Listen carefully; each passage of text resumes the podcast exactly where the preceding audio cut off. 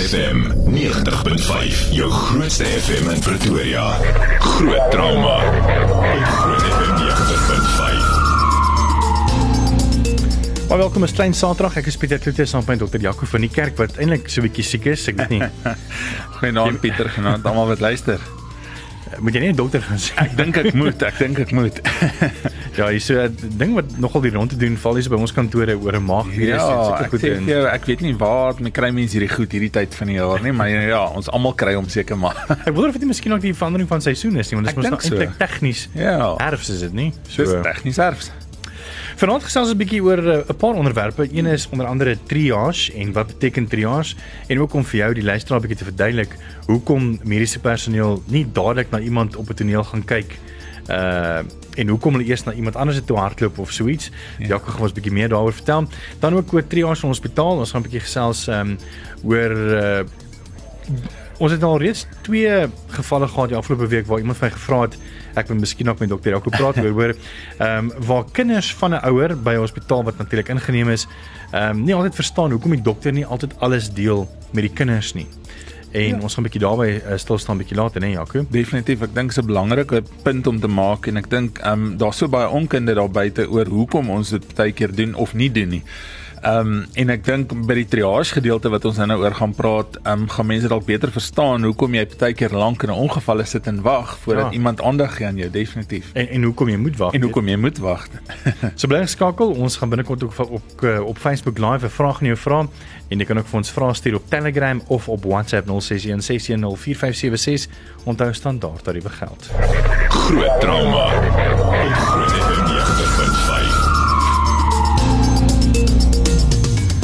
Baie welkom as jy nou by ons aangesluit het. Dis klein Saterdag en tyd vir groot drama. Ek is Pieter Kloete saam met dokter Jaco van die kerk. Ons Facebook live vraag is aan jou is uh, kom ons kyk hoe slim jy is. Kan jy uh, dink of raai in watter tyd in die moderne lewe was triage vir die eerste keer gebruik offisieel? Uh, laat weet 'n bietjie van ons op ons Facebook live of op Telegram of op WhatsApp 061 6104576. Onthou standaard tariewe geld. Jaco, wat is triage? Pieter, ehm um, triage, die woord triage kom van die Frans af, 'n werkwoord in Frans wat dan letterlik beteken om te sorteer of om te skuif of om te selekteer.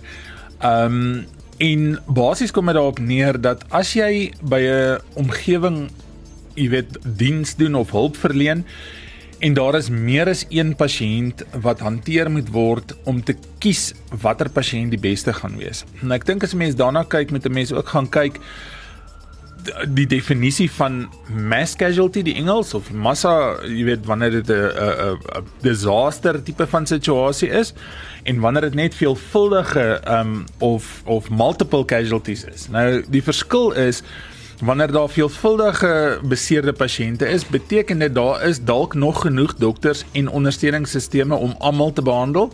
En wanneer dit dan nou 'n 'n 'n disaster of 'n mass casualty is, dan oorskry die behoefte aan hulp die beskikbare hulpbronne.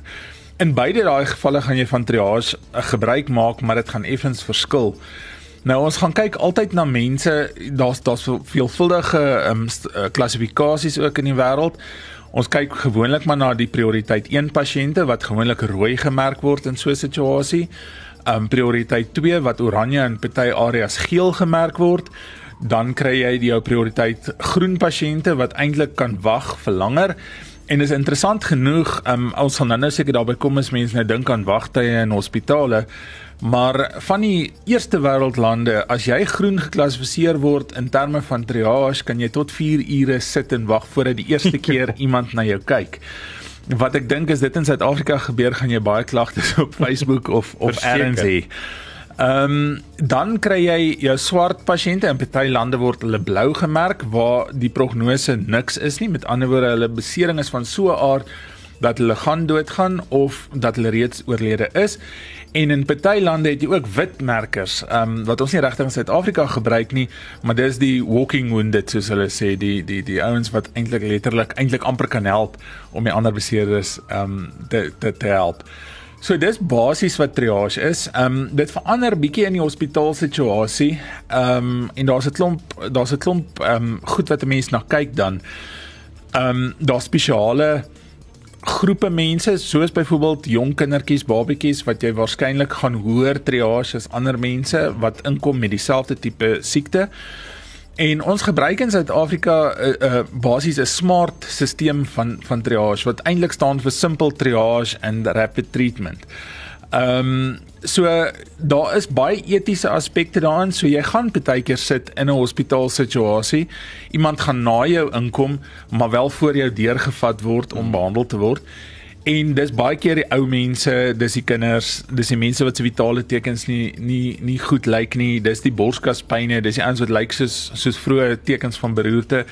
Hulle gaan uit die aard van die saak um, dadelik deurgaan en hulle word dadelik hoor ge, getriage. Die ander etiese aspek dink ek is um en ek het 'n bietjie gaan lees vanmiddag is die mense wat sê as jy nou 'n baie belangrike persoon is of 'n bekende persoon is, gaan jy nou meer of hoër getriage word en en ek dink nêrens gaan dit regtig so gaan nie. Um dit is 'n groot etiese dilemma want daai persone wat so belangrik is, gaan waarskynlik voel hulle moet bo die ander getriage word. Mm. Maar ek dink as mense in 'n hospitaalsituasie is, gaan dit definitief nie gebeur nie en daar buite op die pad definitief nie. So net om saam te vat, ek dink um, ek het ook nou al op 'n paar tonele afgestaan ehm um, en ek onthou 'n situasie gewees op die N4 Oos ehm uh, waar daar 'n ongeluk was en ehm um, uh, die mense het gevra hoorie maar daar was obviously nou daar was vier pasiënte in die kar gewees, drie het net langs die kar gesit en hulle kon nog praat en hulle kon loop so. Hulle was natuurlik 'n prioriteit 3 op daai stadium. Ja. Uh en dan ons was besig met die prioriteit 1 wat natuurlik nog steeds in die voertuig was maar baie kritiek was. Ja. En ek dink een van die kommentaar wat ek nog kon onthou van een van die um, mense wat ons nou met die agies wat ons nou stop en kom kyk was hoorie maar hierdie mense het seer hoekom help julle hulle nie weet hulle sit daar ja maar dis die groot ding jy weet mense sê altyd um, en dis maar 'n ding in medisyne die ou wat daar in die hoekie stil lê en niks sê nie dis hy wat jy na moet hmm. gaan kyk want dis hy wat vir jou gemoeilikheid gee die ou wat nog genoeg energie het om om te huil of te of te sê ek is skree of te sê hy skree hy kan hy ten minste nog gelig weg nê nee? die ja. ou wat stil is gaan waarskynlik nie eens kan asem kry nie so mense kyk definitief daarna en dis dan hmm. altyd dit dit, dit is eintlik nooit 'n maklike werk nie. Tipies moet 'n mens die mees ervare persoon op die toneel of in die eenheid hê om daai triage effektief te laat werk. Hmm. En triage is ook 'n ding wat dinamies is. Dis nie 'n ding wat jy besluit nou iemand is 'n prioriteit groen en hy gaan net maar so bly nie. Hulle kan seker word, jy weet. Hmm. So jy moet heeltyd oor en oor en oor triage en herëvalueer en dit verander dinamies heeltyd. Ja. Definitief. Ja soos byvoorbeeld die scenario kom ons sê nou maar by die voertuig wat nou gerol het met vier persone. Ja. Uh, al die aandag is op die prioriteit 1 pasiënt ja. wat nog in die voertuig is, maar dit is belangrik dat ander persone dan die ander 3 gaan check om te kyk of hulle dan van prioriteit 3 na prioriteit 2 of dan 1 definitief vir nie. Okay. Definitief. En hoekom verskil dit van hospitaal byvoorbeeld? Ehm um, uh, wie wie bepaal die triage as ek so mag vra? Want kom ons sê daar's nou mense wat nou in 'n wagarea wag. Ja. Ehm um, en hulle word natuurlik getriage deur die persoon by die ontvangs neem ek nou aan te kyk hoe ernstig dit is. Mm. Uh of hoe werk dit Jaco? Vir die meeste hospitale in Pretoria is jy die pasiënt sal inkom. Daar's twee dele voor in die ontvangs van 'n van 'n ongeval. Dis die gewone administratiewe gedeelte waar nou die leers oopgemaak word ensovoorts. En dan is daar gewoonlik 'n stasie of 'n persoon wat 'n verpleegpersoneel het is wat apart sit. So jy gaan meld aan eintlik eers by die verpleegpersoneel het. Wow. Dan sê jy vir daai persoon, "Alright, ek is hier, ek het borskaspyn. Borskaspyn maak jy onmiddellik 'n oranje of 'n rooi pasiënt. Jy gaan direk deur." Ander ou kom in met sy seentjie, hy het geval en hy het 'n skraap op sy knie. Hy kan gaan sit en eers leer oopmaak. So die ou prioriteit 1 en 2 pasiënte gaan dadelik deur of daar nou leer oopgemaak is of nie. Hmm.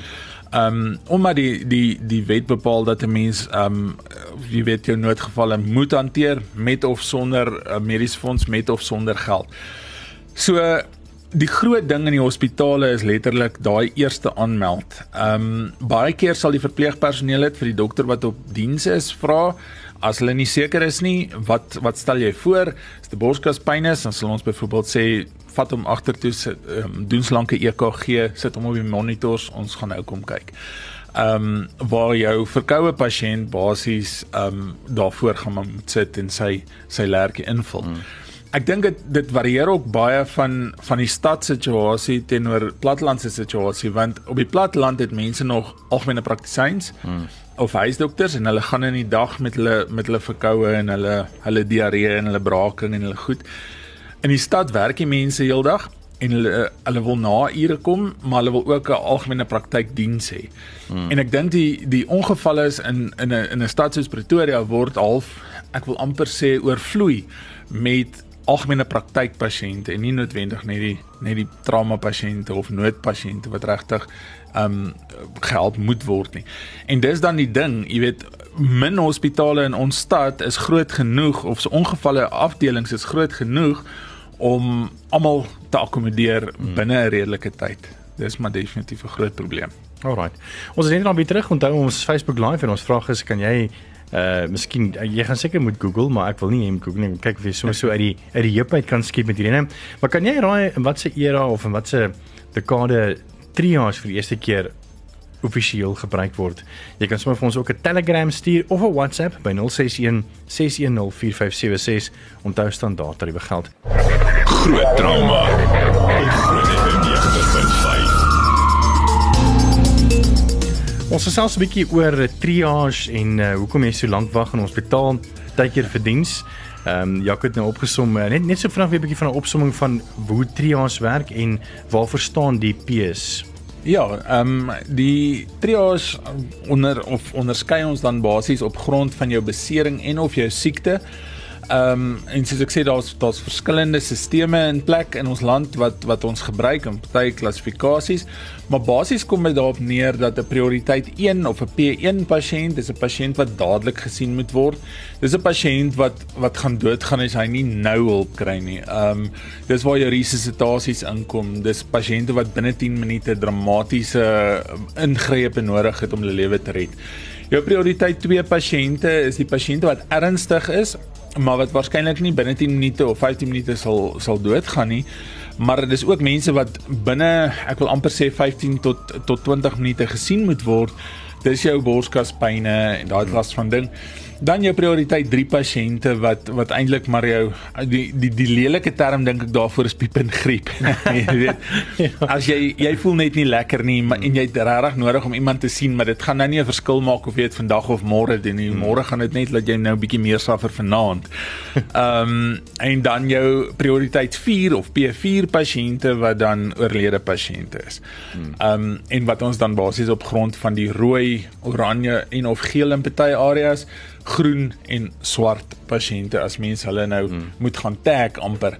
Um en dis die manier hoe dit gedoen word daar buite ook nê.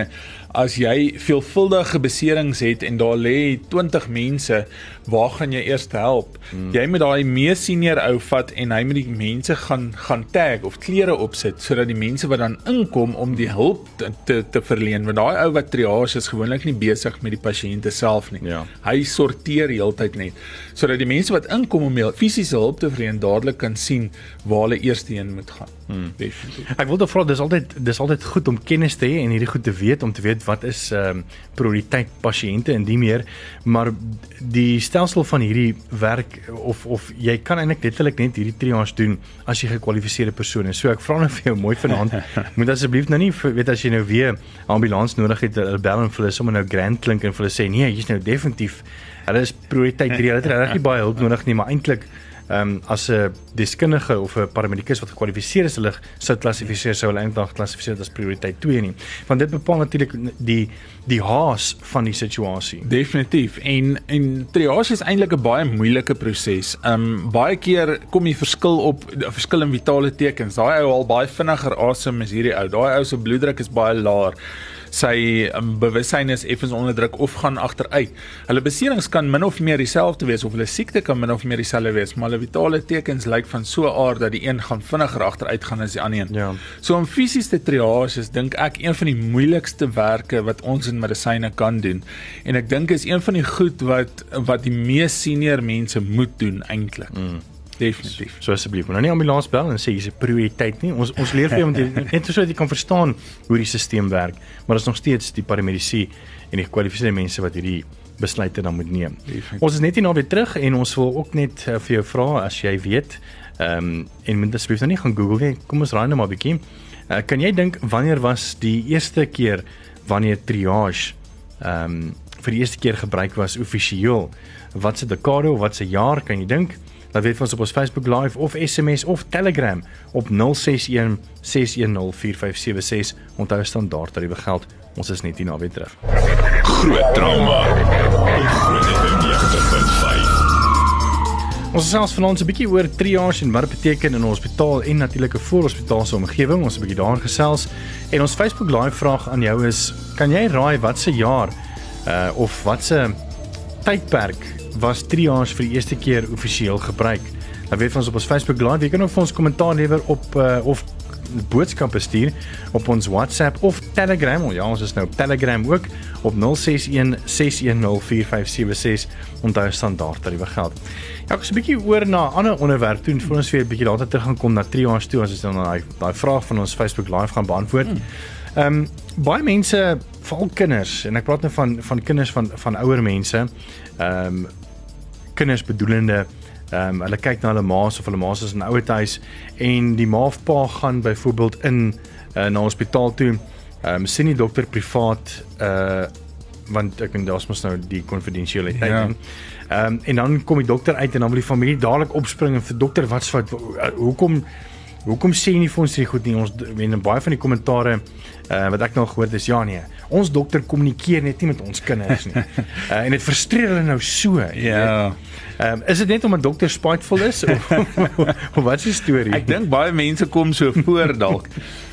Daar's 'n groot ding oor die etiese die etiese komponent daar agter en dan die wetlike aspek daar agter. Die oomblik wat jy 'n pasiënt sien in watter omstandighede ook al, is daar vertrouensverhouding tussen jou en die pasiënt wat nie gebreek kan word nie.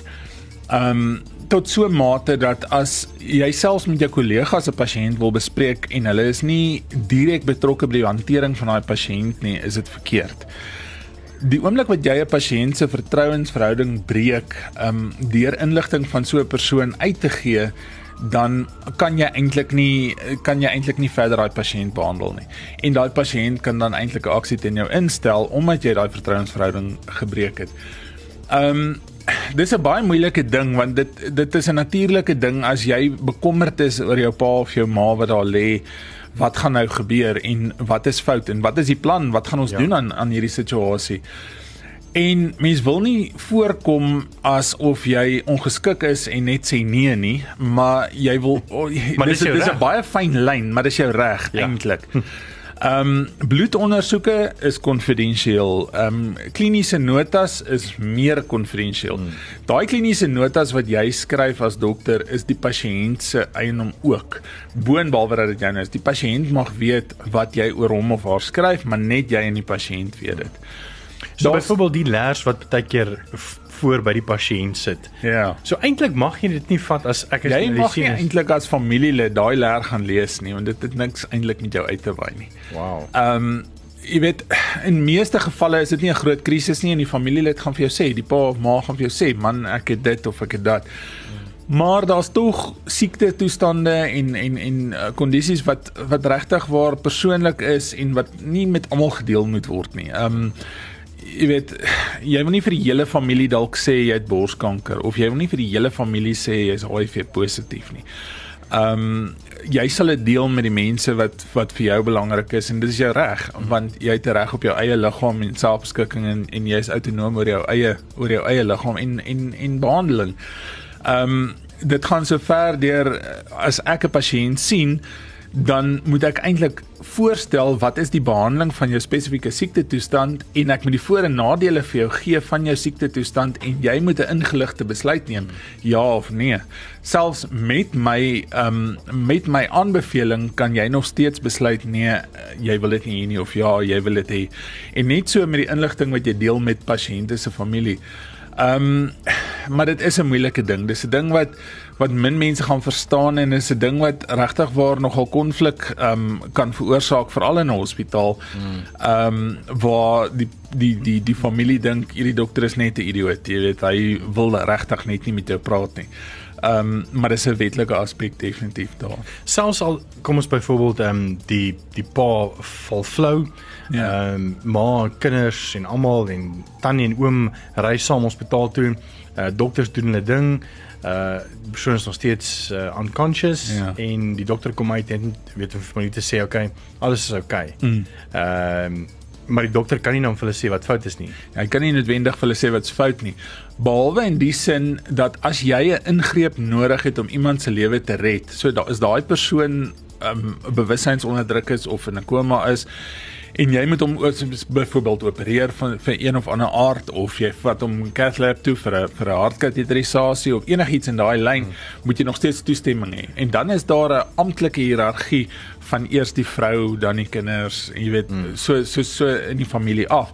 So daar's 'n spesifieke hiërargie wat jy dan volg op grond van van van hoeveel mense jy kan betrek by hierdie besluit, want iemand moet tog nog toestemming gee as daai persoon nie vir hom of haarself kan praat nie vir ingrepe, maar jy hoef nie noodwendig die diagnose met hulle te bespreek nie. Okay. Definitief. So dit is normaal baie keer vir 'n dokter om nou nie nie vir hulle te sê hoorie maar jou pa het nou hartaanval gehad nie. Ja. Uh maar net net te sê dat hy is gestabiliseer en mm. so ver lyk dit alles goed. Ja. En en ag, weet jy wat wat baie keer gebeur is veral as die pasiënte wakker is, hulle gaan vir jou sê ag ek gee nie om nie. Roep my vrou en kom verduidelik vir haar of roep my man en verduidelik vir hom. Mm. Ehm um, meeste mense gaan nie gaan nie omgee as jy byvoorbeeld sê meneer dit lyk of jy hartaanval besig is om te kry. Ons gaan hierdie en hierdie en hierdie moet doen met jou. Ehm um, wil jy hê ek moet dit met jou familie bespreek en as hulle sê ja en hulle instem, dan definitief kan 'n mens, maar as hulle nie instem nie, kan jy definitief nie enigsins ehm um, inligting bekend maak van daai pasiënt. Ja. En instem bedoel hulle nie net woordelings nee, hulle, hulle moet dit dan maar op papier net op papier sit. Want dis daar nou mense dag van Dis 'n baie moeilike ding. Ek meen ons het ruk terug nou oor die oor die kontroversiële abortus kwessie gepraat en en in ons land is dit 12 jaar en jonger wat ag 12 jaar en ouer wat wat wat kan hmm. besluit daaroor. Nou gestel daai situasie speel homself af in jou spreekkamer, jy sit met 'n meisie van 14 of 15 of 16, sy wil nie noodwendig hê haar ouers moet daarvan ja. weet nie en jy gaan vertel dit vir haar ouers. Jy jy op daai stadium breek jy konfidensialiteit met die meisie. Jy vernietig waarskynlik verhoudinge en ehm um, dis teen haar wil, jy weet en en en die wet beskerm eintlik die pasiënt in daai opsig dramaties teen sulke goed. Sure. Net nog 'n bietjie verder gesels oor dit en ook die etiese ehm um, ons gaan kyk na so 'n paar gevalle studies van waar dokters letterlik al gedagvaar is oor goed. Ehm um, ten spyte daarvan dat ek en jy dink nee, maar dit kan nie wees nie. Kan nie hoekom kan die dokter nou gedagvaar word hiervoor? so bly geskakel daarvoor. Onthou ons Facebook live vraag ons by jou weet of jy kan raai wat wanneer was die ehm um, die term triage vir die eerste keer amptelik gebruik? Jy kan op ons Facebook live ek sien Cindy Ann Frikkie van die kerk het ook 'n um, 'n raaiskoot gevat. Ons gaan vir jou 'n bietjie later sê of jy reg is of nie, um, Cindy. Jy kan ook vir ons jou kommentaar uh, deel op ons WhatsApp of Telegram op 061 6104576. Onthou standaard tariewe geld. Groot trauma. Ons is selfs bietjie ons het vroeër gesels oor triage en wat dit beteken in 'n voorhospitaalse en ook hospitaalse omgewing en uh, net voor die breek het ons bietjie gesels oor hoekom is dit so dat uh, as jy nou jou jou ma wat nou 80 is invat na die dokter toe na 'n ongeval toe vir iets. Ehm um, die dokter sien haar in privaat en uh, jy wat nou vir vir die dokter kom vra hoorie maar wat gaan aan dat die dokter miskien nou nie vir alles uh, uh, sê of of alles uitbuit nie want hy mag nie. Nee, hy mag definitief nie. Definitief. Ehm um, daar's groot daar's groot sake al in die verlede gewees oor hierdie tipe van goed. Ehm um, selfs tussen mediese kollegas, ehm um, ek weet van 'n geval, ek meen in 'n in 'n HIV pasiënt wat eintlik nog maar in ons land ongelukkig 'n sensitiewe siekte is, mm. um, omdat daar so baie stigma aan is nog. Ehm um, waar een kollega dit vir 'n ander kollega gesê dat hierdie pasiënt positief is, maar die tweede kollega vir wie dit gesê is, is nie direk betrokke by die hantering gewees nie. En die gevoel was dat daai dokter het niks eintlik met dit uit te waai nie. So dit mm. is ook nie so dat as jy in 'n hospitaal lê dat die dokters jou sommer kan bespreek met mekaar al is dit ehm um, jy weet ver langs jy weet dalk vir hulle interessant as sulks nie behalwe as twee kollegas albei na jou kyk en altyd betrokke is direk by jou hantering. Hmm. Die ander ding is as jy vra vir 'n tweede opinie, as jy vra vir 'n tweede opinie definitief, dan kan hulle dit met mekaar bespreek. Ehm um, maar wat baie dokters eintlik verkies vir 'n tweede opinie is om daai pasiënt met 'n ek wil amper sê oop gemoed te gaan sien voordat hy dit dan bespreek met met die eerste opinie kollega. Ehm okay. um, want die oomblik wat jy hoor wat 'n ander kollega dink, dink ek rig dit jou gedagtes ook in 'n rigting in. Ehm um, en hoe hoe meer oop jy is ten opsigte van van die pasiënt en net die So pasiënt se klagtes, hoe beter eintlik vir daai pasiënt vir 'n tweede opinie. Okay. En as daai twee opinies dan nou ooreenstem, dan kan die pasiënt eintlik redelik seker wees dat hulle weet wat gaan aan. Ehm um, daar was ook 'n saak gewees wat jy my vertel het ehm um, waar ek gedink het die dokter het verseker reg opgetree. Uh van die Ja. vrou wat HIV positief is en die man wat Dis hy- HIV negatief, negatief is. En waar die dokter dit goed gedink het om dit dadelik met die man te bespreek. En die vrou het gesê dat dit nie die dokter se reg is om dit te doen nie. Nou dis 'n baie moeilike etiese ding want sê jy dit nie vir die man nie, ehm um, en hy raak HIV positief, dan is dit eintlik 'n kroniese siekte wat hy waarskynlik later komplikasies van sal kry en dalk sal sal sterf as dit nie hy nie iets anders kry nie. Of die intensie was miskien ook net om van te sê luister, ehm um, dit is oorkombaar, dis beskerm daarmee so erg nie beskerm net ja. jouself. Yes. Nee, definitief. Ehm um, maar tans in ons wetgewing sê hulle jy moet daai vrou 'n kans gee om dit te doen, maar dit bly nog steeds haar besluit. En dis 'n baie moeilike ding. En ek dink dit is nog 'n etiese ding wat baie baie in die toekoms nog ehm um, oor gepraat gaan moet word Ja. en uitgestryk gaan moet word. Ja, kom ons um, staan gous 'n bietjie stil by ons um, Facebook live vraag. Ehm um, ons vroeg vra of, of jy die luisteraar 'n bietjie kan raai. En wat se jaar of wat se dekade of wat se era was triage vir die heel eerste keer gebruik en ek sien Cindy Ann Frikkie van Niekerk het gesê die Eerste Wêreldoorlog. Is is hy daar naby Jaco? ja, ek dink sy's bietjie bietjie jonk nog. Ehm um, die moderne mediese term triage soos wat ons dit nou ken is deur 'n chirurg daar gestel met die naam van Dominique Jean Larrey en dit was in Napoleon se oorloë en dit is hier in die 18de eeu. So ehm um, dit is in Napoleon se tyd is dit die eerste keer gedoen. Ehm um, daar is geskrifte wat uit die 17de eeu dateer ehm um, uit 'n Egiptiese dokument wat ooreenstem met triage. Maar dis nog 'n baie grouwe ding gewees waar hulle sê daar was net 3 klasse. Die een klas is ehm um, hy sal oorleef die pasiënt ten spyte van behandeling met of sonder behandeling. Die ander een sal doodgaan ten spyte van behandeling en die ander een ehm um, gaan dit geen verskil maak nie. En dit is uit die 17de eeu, maar die die manier hoe ons dit vandag ehm um, sien is hier in die 18de eeu met die Napoleon se oorlog. Baie interessant. Um, ons gaan 'n bietjie stil staan by 'n vraag of twee wat deurgekom het op ons WhatsApp. Ehm um, al die pad uit Kanada uit. Uh, Corneille, baie dankie dat jy inskakel so deur die internet. Ehm um, hoe laat is dit daar? Dis dis dis nog seker vroegoggend of Seker vroeg. Ja. Ehm um, Jakob, die vraag is ehm um, hier is die situasie. Haar pa is 8 of sy pa is 78 jaar oud, 'n weewenaar met prostaatkanker en hy sien in April die onkoloog. Nou die persoon se pa ly ook aan demensie, maar woon nog onafhanklik. Maar hy is nie in staat om vir hom in te lig oor wat die dokter vir hom sê of nie kan sê nie. So die pa kan nie wil nie wil of kan dan nou nie vir die vir die vir sy kind sê wat aangaan nie. En hy kan of hy kan nie onthou of verstaan nie. Kan die persoon dan die onkoloog kontak en vra of hy my dan die die persoon wat oor see is, wat nou Corneille is byvoorbeeld in Ja. geval, uh van die situasie inlig. Maar die probleem is en Corneille sê verder, uh wat maak 'n mens in so 'n situasie want ons geen sibbe in SA nie. Die ki- Die kinders en almal woon oor see, so ons nie familie nie. En sy, en hy sy verstaan die pasiënt vertroulikheid ding. Ja. Maar 'n mens wil tog weet nie is oor see. Ja, nee, definitief. Ehm um, die een ding is die demensie en die ander ding is die hele situasie van ver en hy kan nie regtig kommunikeer nie. En daar gaan uit die aard van die saak ook moet besluite gemaak word oor die behandeling. Hmm. En dan kom dit by daai selfde situasie waar die persoon waarskynlik ook ehm um, jy weet bewussynsonderdruk is waar jy dan die kinders mag betrek by die besluite ten opsigte van die behandeling van daai persoon. So as daai persoon nie by by magte is om self te kan besluit nie of nie die intellektuele vermoë meer beskik om dit te kan kommunikeer nie, dan mag die die onkoloog definitief ehm um, die familie betrek um, om om behandelingsopsies te bespreek definitief. Okay. So in so 'n geval sê jy sê jy voorstel dat dat ehm um, Corel dan miskien ook 'n sielkundige nader om te vra Ja. dan vir die pa vra hoe die pa sou pa omgee miskien ook 'n sielkundige te sien vir 'n verslag en dan indien dit Ja. die diagnose dan positief is vir demensie Definitief. dat die sielkundige dan 'n verslag skryf en dan vir die dokter stuur Definitief. en dan is dit dan is dit op papier en dan is dan is beide ehm um, partye mooi mooi ehm um, beskerm. En demensie is 'n baie moeilike ding, ehm um, maar definitief dis 'n dis 'n opsie om om te oorweeg. En dan sê net nog, nog so laaste netjie voor ons afsluit. Ehm um, dit kom van Nookie af en sy selfe Pieter.